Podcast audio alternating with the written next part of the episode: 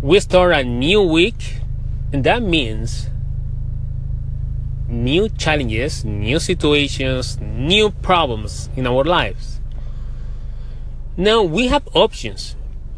We can take care of the problem or let it go.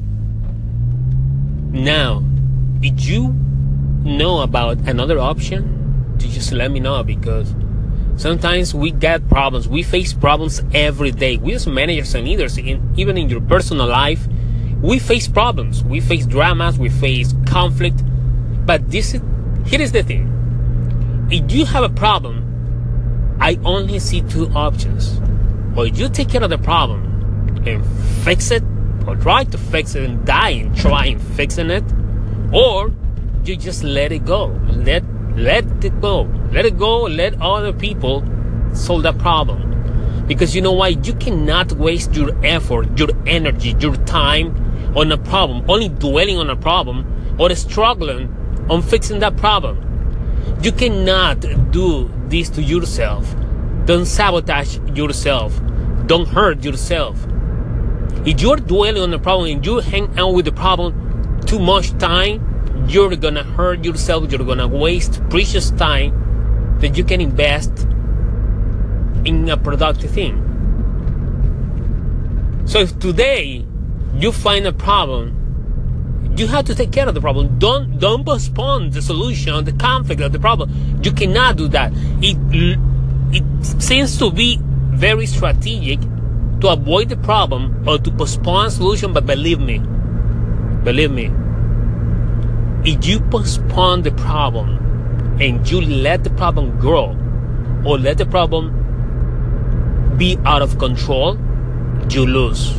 You're gonna lose. Or if you're gonna solve it, you're gonna solve it at greater risk. You're gonna risk too many things. You're gonna risk too much if you postpone or avoid solving the problem. So that's what I'm telling you right now. If you're not going to take care of the problem, just let it go. Believe me, let it go. Don't mess up with that problem. Let it go. It's not yours or handle to other people who can resolve that problem for you. Ask for help. Ask for help. Ask for assistance. But don't dwell and don't sink yourself, don't drown yourself into that problem. The same happen with the conflict. Learn to say no, man. You had to learn to say no. If there's a problem faced to you, you are facing a battle, a conflict, and you can't resolve it, please say no. If somebody else is giving you a problem for you to solve, say no.